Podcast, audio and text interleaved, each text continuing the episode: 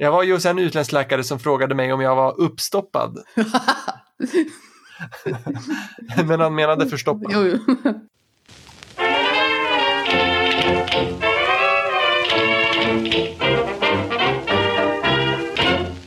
Lisande la gomme. Välkommen till Lysande lagom, en podd om svensk kultur, svensk språk och om att lära sig svenska. Jag heter Emil Molander, jag är lärare i svenska som andraspråk.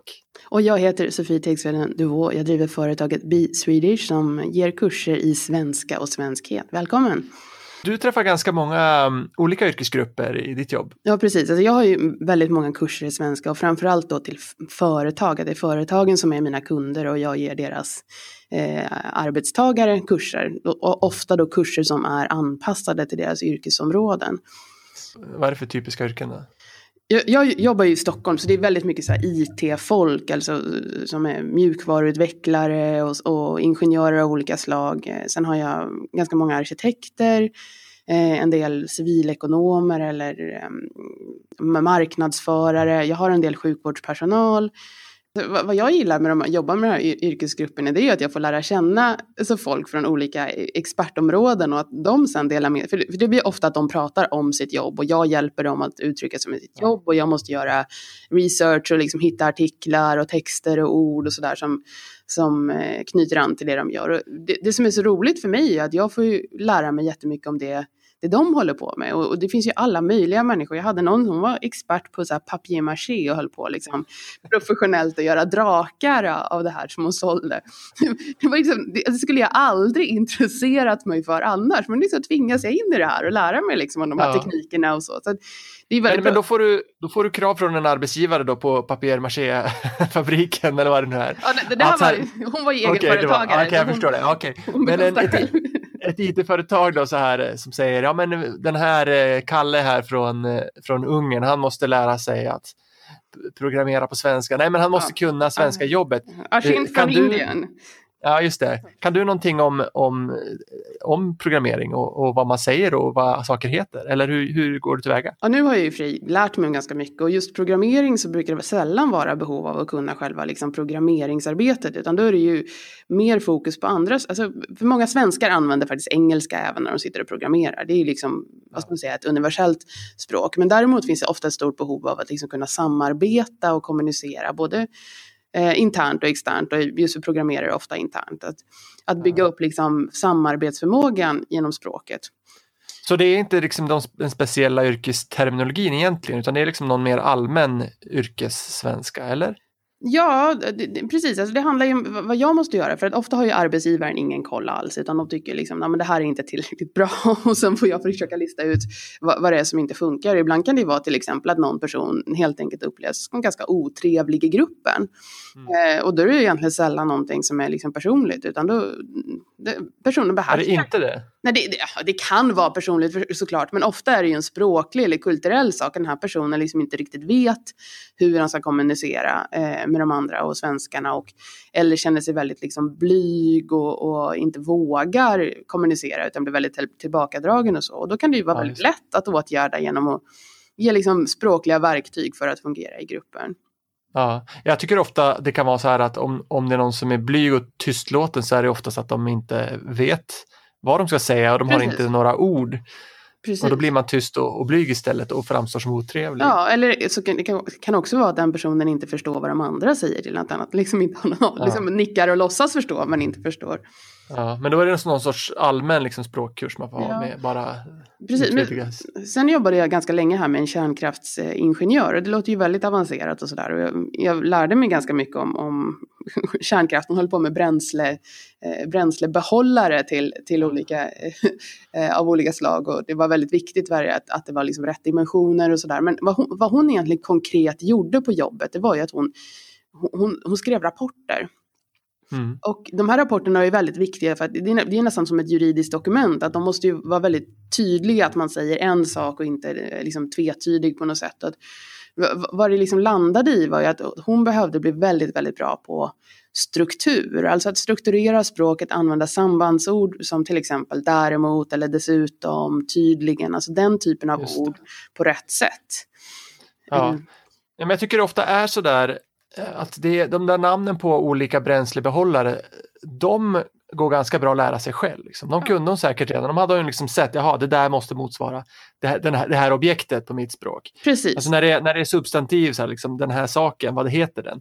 Det är mycket lättare. Det svåra är ju det där att, att liksom få ihop det. Precis, man ska ju se att vad som är vår roll när man kommer in på en arbetsplats för en, en person som redan jobbar, det är att den får ju redan den personen får ju redan språklig support från medarbetare och, och den, jag ska säga, som, som svensk medarbetare så är det ganska lätt att förklara terminologi, att man kan slå upp en Wikipedia-artikel eller visa på en bild eller, alltså det, det går ganska lätt att, att förklara det i enkla ord. Men, men det som ofta den här svenska medarbetaren saknar är den här liksom metaspråkliga kompetensen. Att, att han eller hon kan se liksom lite bortom just orden. Vad är det som egentligen inte fungerar?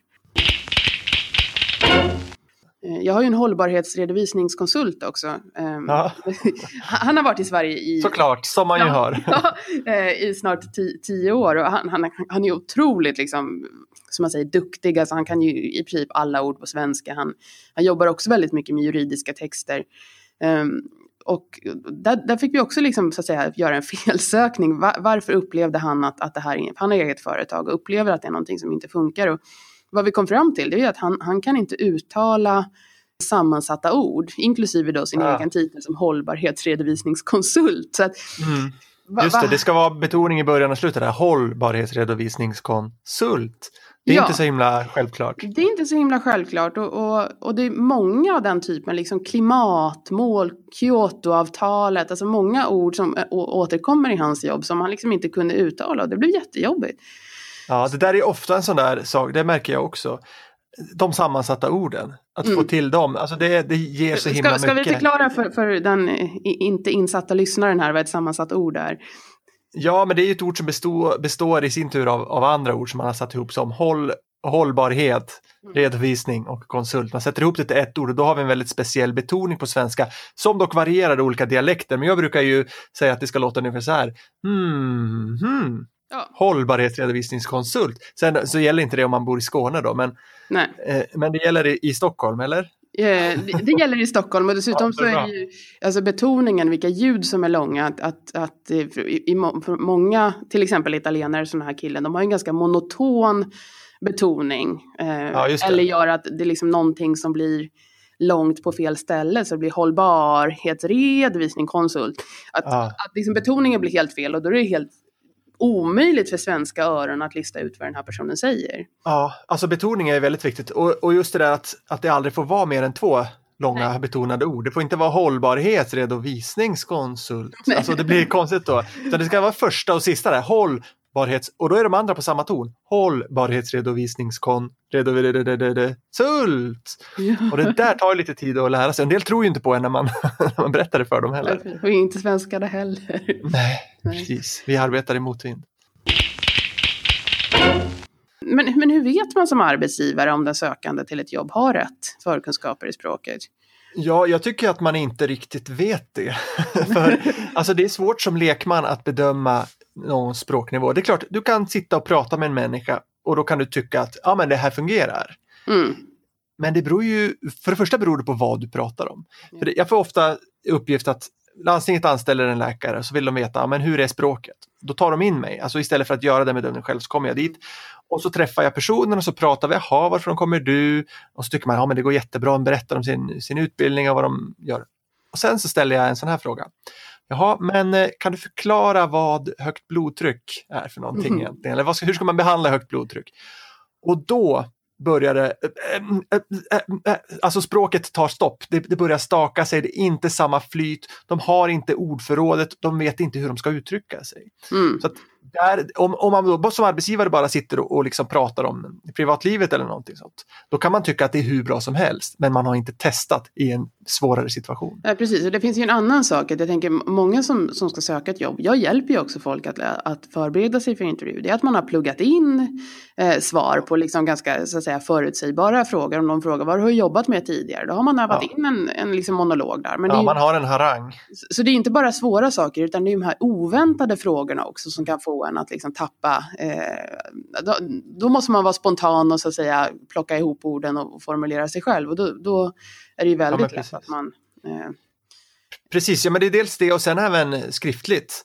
Ja, Där, där, ja, det är klart, okej, som arbetsgivare kan man ge en skrivuppgift, skriva om det här. Men det beror också på, där ska man, tycker jag också man ska ta till liksom en professionell lärare som utbildar det här, att, att som kan göra en skrivuppgift där man får visa prov på på liksom, eh, språk på en högre nivå. Om du behöver skriva rapporter med, som, där, som förklarar hur saker och ting hänger ihop eller vad, eh, vad liksom, vilka slutsatser det ska leda till, men då måste man visa att man kan skriva den typen av text också. Det går inte att skriva vad du gjorde i helgen och ja, allt är korrekt, men det är mycket svårare att skriva om någonting komplicerat precis. Så det där- är rätt intressant. Alltså jag har många arbetsgivare när de anlitar mig, då säger de, men, men ni ska väl inte skriva, det finns väl inget behov av att skriva, utan ni ska fokusera på att prata.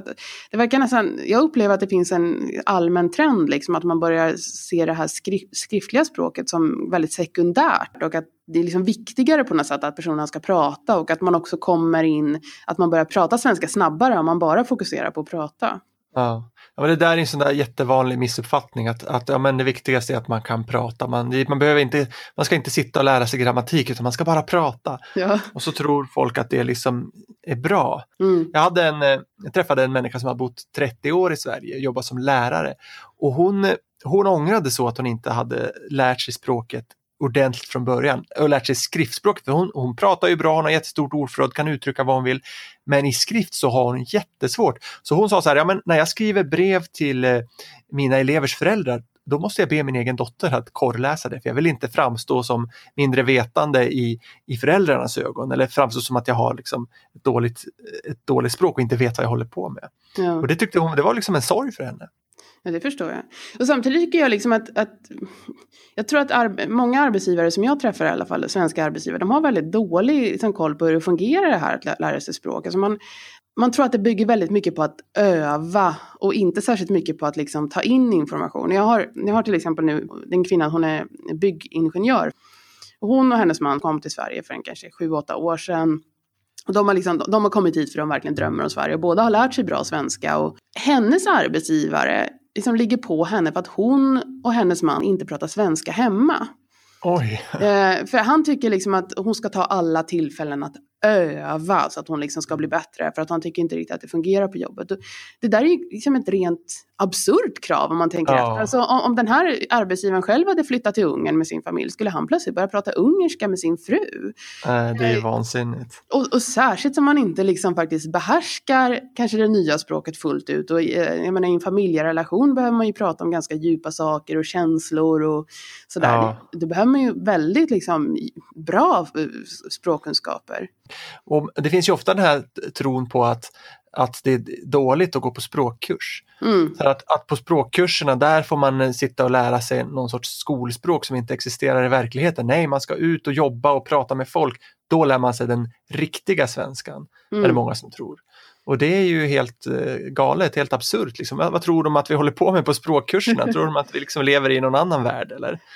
Sen, sen brukar man ju få lite, jag, jag, jag håller helt med om det här att man, man ska gå på kurs och man ska gå och sitta i skolbänken. Men man brukar få en del motargument. Ett av de här det är ju det här, liksom, men barn eh, går ju inte på kurs. Barn lär sig ju liksom själva ute i verkligheten. Ja, ja, men det är en helt annan sak om man är barn och om man är vuxen. Och sen, så, sen är det också så att det är ju Ja, barn lär sig snabbare såklart, men, men det är också jobbigt för ett barn som hamnar i en helt ny språkmiljö Men, och men, försöka... men, men gör de det? Alltså man tänker ett barn som föds, ett barn, om man tänker efter ett år, då har väl det här barnet kanske eventuellt börjat säga några få ord. Det är ju egentligen mycket mindre än vad vi förväntar oss av en svensk som har varit i Sverige ett år. Och jag menar, okej, gå in på tre år, en treåring, ja, kan väl, han kan väl uttrycka sig relativt okej, liksom, men det är ju inte på en, vad ska man säga, yrkesnivå så att den här personen kan diskutera fördelar och nackdelar med en, en viss lö, lösning till ett problem. Men, Nej, du har en poäng i det. Men sen man måste också säga så här att talapparaten är inte utvecklad fysiskt förrän man är ett år. nej, så man kan nej, inte nej, men- tala. Men visst, men du, du har ju rätt i det. Sen beror det också på barnets ålder. Om man är under fem år, då, går- då, då går det relativt fort att snappa upp det nya språket. Då lär man sig det ungefär samtidigt då som, som sitt första språk om man talar om Mm. simultan tvåspråkighet eller, ja, eller om det är upp till tre års ålder. Men sen mellan fem och åtta års ålder, då tar det ganska lång tid att snappa upp det nya språket. Det går lättare sen när man är över åtta år, när man börjar bli Okej, åtta, ja. nio, tio, tolv år.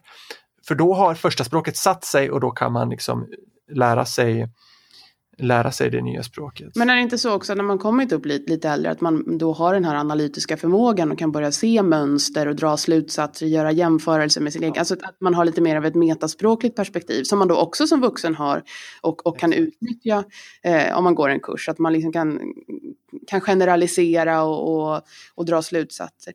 Och sen, sen tänker jag också, alltså, när vi pratar om det här med barn och så, det är väldigt mycket fokus på uttal. Att jag tänker ett barn som lär sig ett språk har ju ofta väldigt, väldigt fint uttal, eh, men kanske inte har ordförrådet eller komplexiteten som en, som en vuxen har. Och att jag tror att ofta vi dömer ut vuxna som har lärt sig just på grund av uttalet medan de samtidigt som den här hållbarhetsredovisningskonsulten då som har ett jättefint ordförråd och kanske ofta bättre än till och med jag då men, men som, som har ett dåligt uttal och då, då, liksom, då försvinner allt annat bakom. Ja. Det här. Ja men precis, det där är ju ännu ett skäl varför man som, som arbetsgivare eller lekman inte ska bedöma språket för man stirrar sig blind på uttalet alldeles för mycket. Och sen en annan sak är också det här om, om man ska tro att man ska lära sig språket genom att vara bland folk och vara på jobbet. Det är ju, alltså, vem ska hjälpa dig? Vem ska lära dig språket? För att det uppstår frågor hela tiden. Mm. Varför heter det en bil men varför heter det ett hus? Eller, så, eller vad, vad, är det som är grejen med en och ett? Och jag läste precis någon som skrev så här att ja men oh ja, nu har jag som svensk äntligen fått lära mig det här med en och ett och då är det så att och, om det är samma i plural och singular då är det ett. Uff. Så är det inte kan ja, jag säga. Okej, det stämmer ju delvis här, ett hus, ja. många hus, men så var det så, nej men vadå, ett, ett äpple, många äpplen. Alltså folk, svenskar i allmänhet har ju, har ju liksom fantasier om hur språket fungerar som inte alls stämmer. Mm. Och då mm. när man kommer som utlänning och så är det någon som säger det där, ja men om det är samma i plural och singular så är det så är det ett, jaha, en lärare, många lärare. Det stämmer ju inte, man behöver ju en expert, någon som kan språket, som kan förklara hur det hänger ihop för en. Ett annat motargument mot det här att, att gå på kurs istället för att liksom lära sig ute i den så kallade verkligheten, det är att många invandrare, man ser dem så studiovana, att de kanske inte vet hur man tillgodogör sig en, en liksom mer teoretisk kurs. Ja, Vad precis. tror du om det? Jo, men det är ju, det är ju, ett, det är ett argument. Så en del har ju svårt att studera. Om man aldrig har studerat så vet man inte riktigt hur man gör. Och, och då, ja, då är tanken då, men då är det lättare att lära sig genom att vara ute och prata med folk. Ja, så kan det vara för vissa. Men jag tycker att som, som lärare så är det min uppgift att hjälpa dem som är studieovana och lära dem studieteknik och tala ja, om för dem hur precis. Jag tänker, där är det nästan, för mig, för mig tycker jag från det sättet att det är nästan tvärtom, att en studieovan kanske tycker det är ännu svårare att slunga sig ut i en, en, en så kallad verklighet där man, där man liksom ska analysera och räkna ut saker själv. Utan den personen kanske har mycket, mycket större behov av vägledning och, och liksom hur, man, hur man egentligen gör när man lär sig ett språk. Och som du säger, prata om studieteknik och ja. att man lär sig saker i rimliga portioner och på rätt sätt och kanske kombinera både att, att skriva. För att, att, skriva handlar ju inte bara om att skriva, utan skriva är ju också en metod för att liksom komma ihåg saker. Ja. Eh, och det vet vi ju alla själv, vi skriver ju kom ihåg-listor och man skriver ner allt möjligt. Det måste man ju göra när man lär sig språk. Man kan inte ha allt det där i huvudet för att då har man inte sen den här referensen dit man kan gå tillbaka och liksom titta på någonting.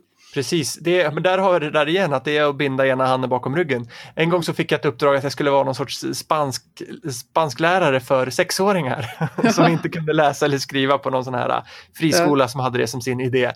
Och det var ju helt omöjligt upptäckte jag, för att om jag inte kan liksom skriva ner någonting alls, mm. då är det liksom bara så här, ja, repeat after me, så här, säg så här, olla, olla, och så ska de försöka komma ihåg det liksom tio minuter senare. Det är omöjligt. Det är supersvårt att lära sig ett språk utan att, utan att kunna skriva.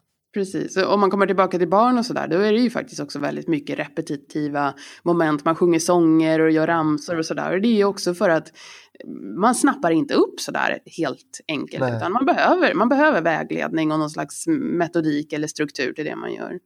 Exakt, ja det var det enda som funkade med sexåringar, det var att sjunga sånger. Ja. det var det enda jag kunde göra. Precis, där kan man komma ihåg någonting.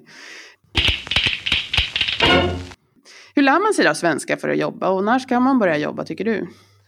Ja, det finns ju en fantasi om att folk ska ut i arbete så fort som möjligt. Det här är någon sån här politikerdröm att då kommer man ut i, i, verkligheten och lär sig språket. Det är klart det är bra att få ett jobb för att man får en egen lön och så vidare och får kanske en bra självkänsla. Men om du hamnar på en praktikplats, en arbetsplats och du kan inte ett ord, då är det extremt svårt. Tänk dig själv att du plötsligt är i Kina och nu så ska du jobba här på en restaurang. alltså, du kan inte ett ord. Du ska jobba, lär dig språket nu medan du jobbar. Alltså det är ju extremt mycket begärt. Och det som händer då är att man skickas ut på praktik och så har man, kanske går man på SFI någon, någon dag i veckan och sen är man på sin praktikplats. Och på praktiken så pratar man lite grann och man säger kanske hej Mm. och hej då. Jag, jag var på någon föreläsning en gång när man pratade om att det var många som så att säga gick på en SFI-kurs och sen kom ut i arbetslivet och då upptäckte man att eh, när de hade jobbat ett antal månader så hade faktiskt språknivån sjunkit. Att de Mm. hade stimulerat så pass lite i sin arbetsmiljö att de hade förlorat ganska mycket av de Ja. språkkunskaperna som de hade fått under, under kursen tidigare. Jo men så är det. Det finns en, en ganska numera känd avhandling av Karin Sandvall där hon eh, mätte eh, några som var på praktik hur mycket svenska de talade, alltså hur mycket de hade rent tal själva, hur mycket interaktion med någon annan på svenska. Eh, kan du gissa hur mycket per dag som de eh, talade svenska? Ja, nu, Den som, talade säga- mest, den som talade mest svenska av de här fyra. Nu pratar vi minuter tror jag här. Ja, hur många minuter? Ska säga 20? Nej, om jag inte minns helt fel så den som talade mest talade två minuter per dag. Nej, okej. Det är ju chockerande faktiskt. Jag undrar om det här egentligen liksom grundar sig i någon liksom moralfråga. Att man tycker att in- invandrarna liksom ska göra rätt för sig. Inte sitta här liksom och lata sig och plugga utan gå Ja. in liksom och jobba och betala skatt och sådär. Ja, kanske. Delvis det tror jag. Men jag tror också det att man har märkt att SFI inte riktigt är så bra som det borde vara. Folk går SFI länge, de lär sig inte språket ändå, de får inget jobb ändå. Och då har man hittat på till exempel att ja, men det, det, de har inte lärt sig rätt svenska, de vet inte hur man pratar med folk, de måste ut på praktik. Eller så hittar man på att nej, men de har lärt sig fel ord, vi ska ha kurser i yrkessvenska istället. Och då får man gå någon sorts yrkessvenska kurs från första dagen. Men och där kan man väl klargöra att det finns olika typer av SFI. Det är ju svenska för invandrare som alltså är den liksom standardkursen som de flesta liksom, att säga, grundläggande. den grundläggande när de går in från början och sen kan man antingen då specialisera sig. Det finns vissa yrkes, eh, svenska kurser eller så kan man köpa ett privat alternativ från studieförbunden och så. Men, men SFI det är ju det som liksom, det, är kostnadsfritt för deltagarna. Eh, det är på en väldigt grundläggande nivå och enligt oss då är det också ett ganska dåligt fungerande system. Ja, men det är ju det av massor av skäl och, och det främsta skälet är väl att det har sparats jättemycket pengar på det. Det finns en sån här upphandlingscirkus runt det som gör att priserna ska pressas ner hela tiden och då får lärarna dåliga förutsättningar. De måste undervisa hur mycket som helst, har inte tid med före och efterarbete. Sen så är det en stor andel lärare som inte har någon utbildning, eh, Mm. varken i lärarutbildning eller utbildning i svenska som andraspråk. Så det är också en, en del av problemet. Sen så är det stora grupper, det kommer nya elever varje dag eller varje vecka som går in och ut på olika förkunskapsnivåer. Folk sticker iväg på praktik hux flux. Eh, han är inte här idag, han är på praktik, han kommer imorgon, jaha men då är nästa borta. Alltså det går inte att hålla samman en grupp. Och har man Mm. inte en grupp så, så går det inte att undervisa heller. Man kan inte ha liksom individuell undervisning med 20 personer eller 30 personer, även om politikerna kanske tror det. Precis, och då har vi liksom egentligen ett problem både att, att det finns den här idén att man ska ut utanför klassrummet och snappa upp språket på jobbet, men att även inom klassrummet så, så, så är det svårt att liksom tillgodogöra sig ett språk. Det där är, det där är lite tragiskt. Mm. Jag, har, jag har en sista fundering här. Det, det är det här liksom med yrkesidentiteten och, och, och språket. Alltså när, när man kommer till ett nytt land och börjar göra det man kanske har gjort väldigt länge. Om man har jobbat till exempel som, eh, vi pratade förut om en byggingenjör eller arkitekt eller någonting. Och sen kommer man in och kastas in i en helt ny språkmiljö. Vad, det, det på, påverkar ju verkligen ens, ens liksom självuppfattning och uppfattning om sig själv och kompetensen att göra, att utföra sitt yrke i ett nytt land. Ja, Mm. Det gör ju det. Alltså det påverkas ju dels för att man märker hur andra reagerar på en själv. Mm. Om man, om, för det första så kanske man inte känner till alla kulturella koder och så vidare. Men sen så finns det också det i språket. Om man har ett bristande språk så i alla fall i vårt land så möts man oftast av en attityd som ja, folk tänker medvetet eller omedvetet att personen är mindre vetande om språket är, är bristande. Och det kan vara liksom små brister i uttal eller någon grammatisk form i något som man säger ofta. Som får, det räcker liksom för att folk ska tro att man inte riktigt är klok i huvudet. Men, eh, men sen finns det ju liksom internt också, alltså i, i Ja. sig själv. Jo, jo, man, man, man upplever ju ofta att man kanske inte kan säga det som man liksom skulle kunna säga på ett annat språk. Att man låter lite dum när man försöker förklara någonting. Och, och det här har ju också konsekvenser om man liksom ska försöka övertyga. Jag tänker väldigt mycket på mina arkitekter nu när de har sina bra idéer och så sätter de sig i ett möte med kollegor eller kunder eller beställare och ska liksom förklara sina idéer och motivera och sen liksom få igenom det där. Det är ju väldigt svårt att få igenom eh, sina egna idéer just eftersom man inte är så lika bra på att motivera dem. Och det där är ju ganska deprimerande.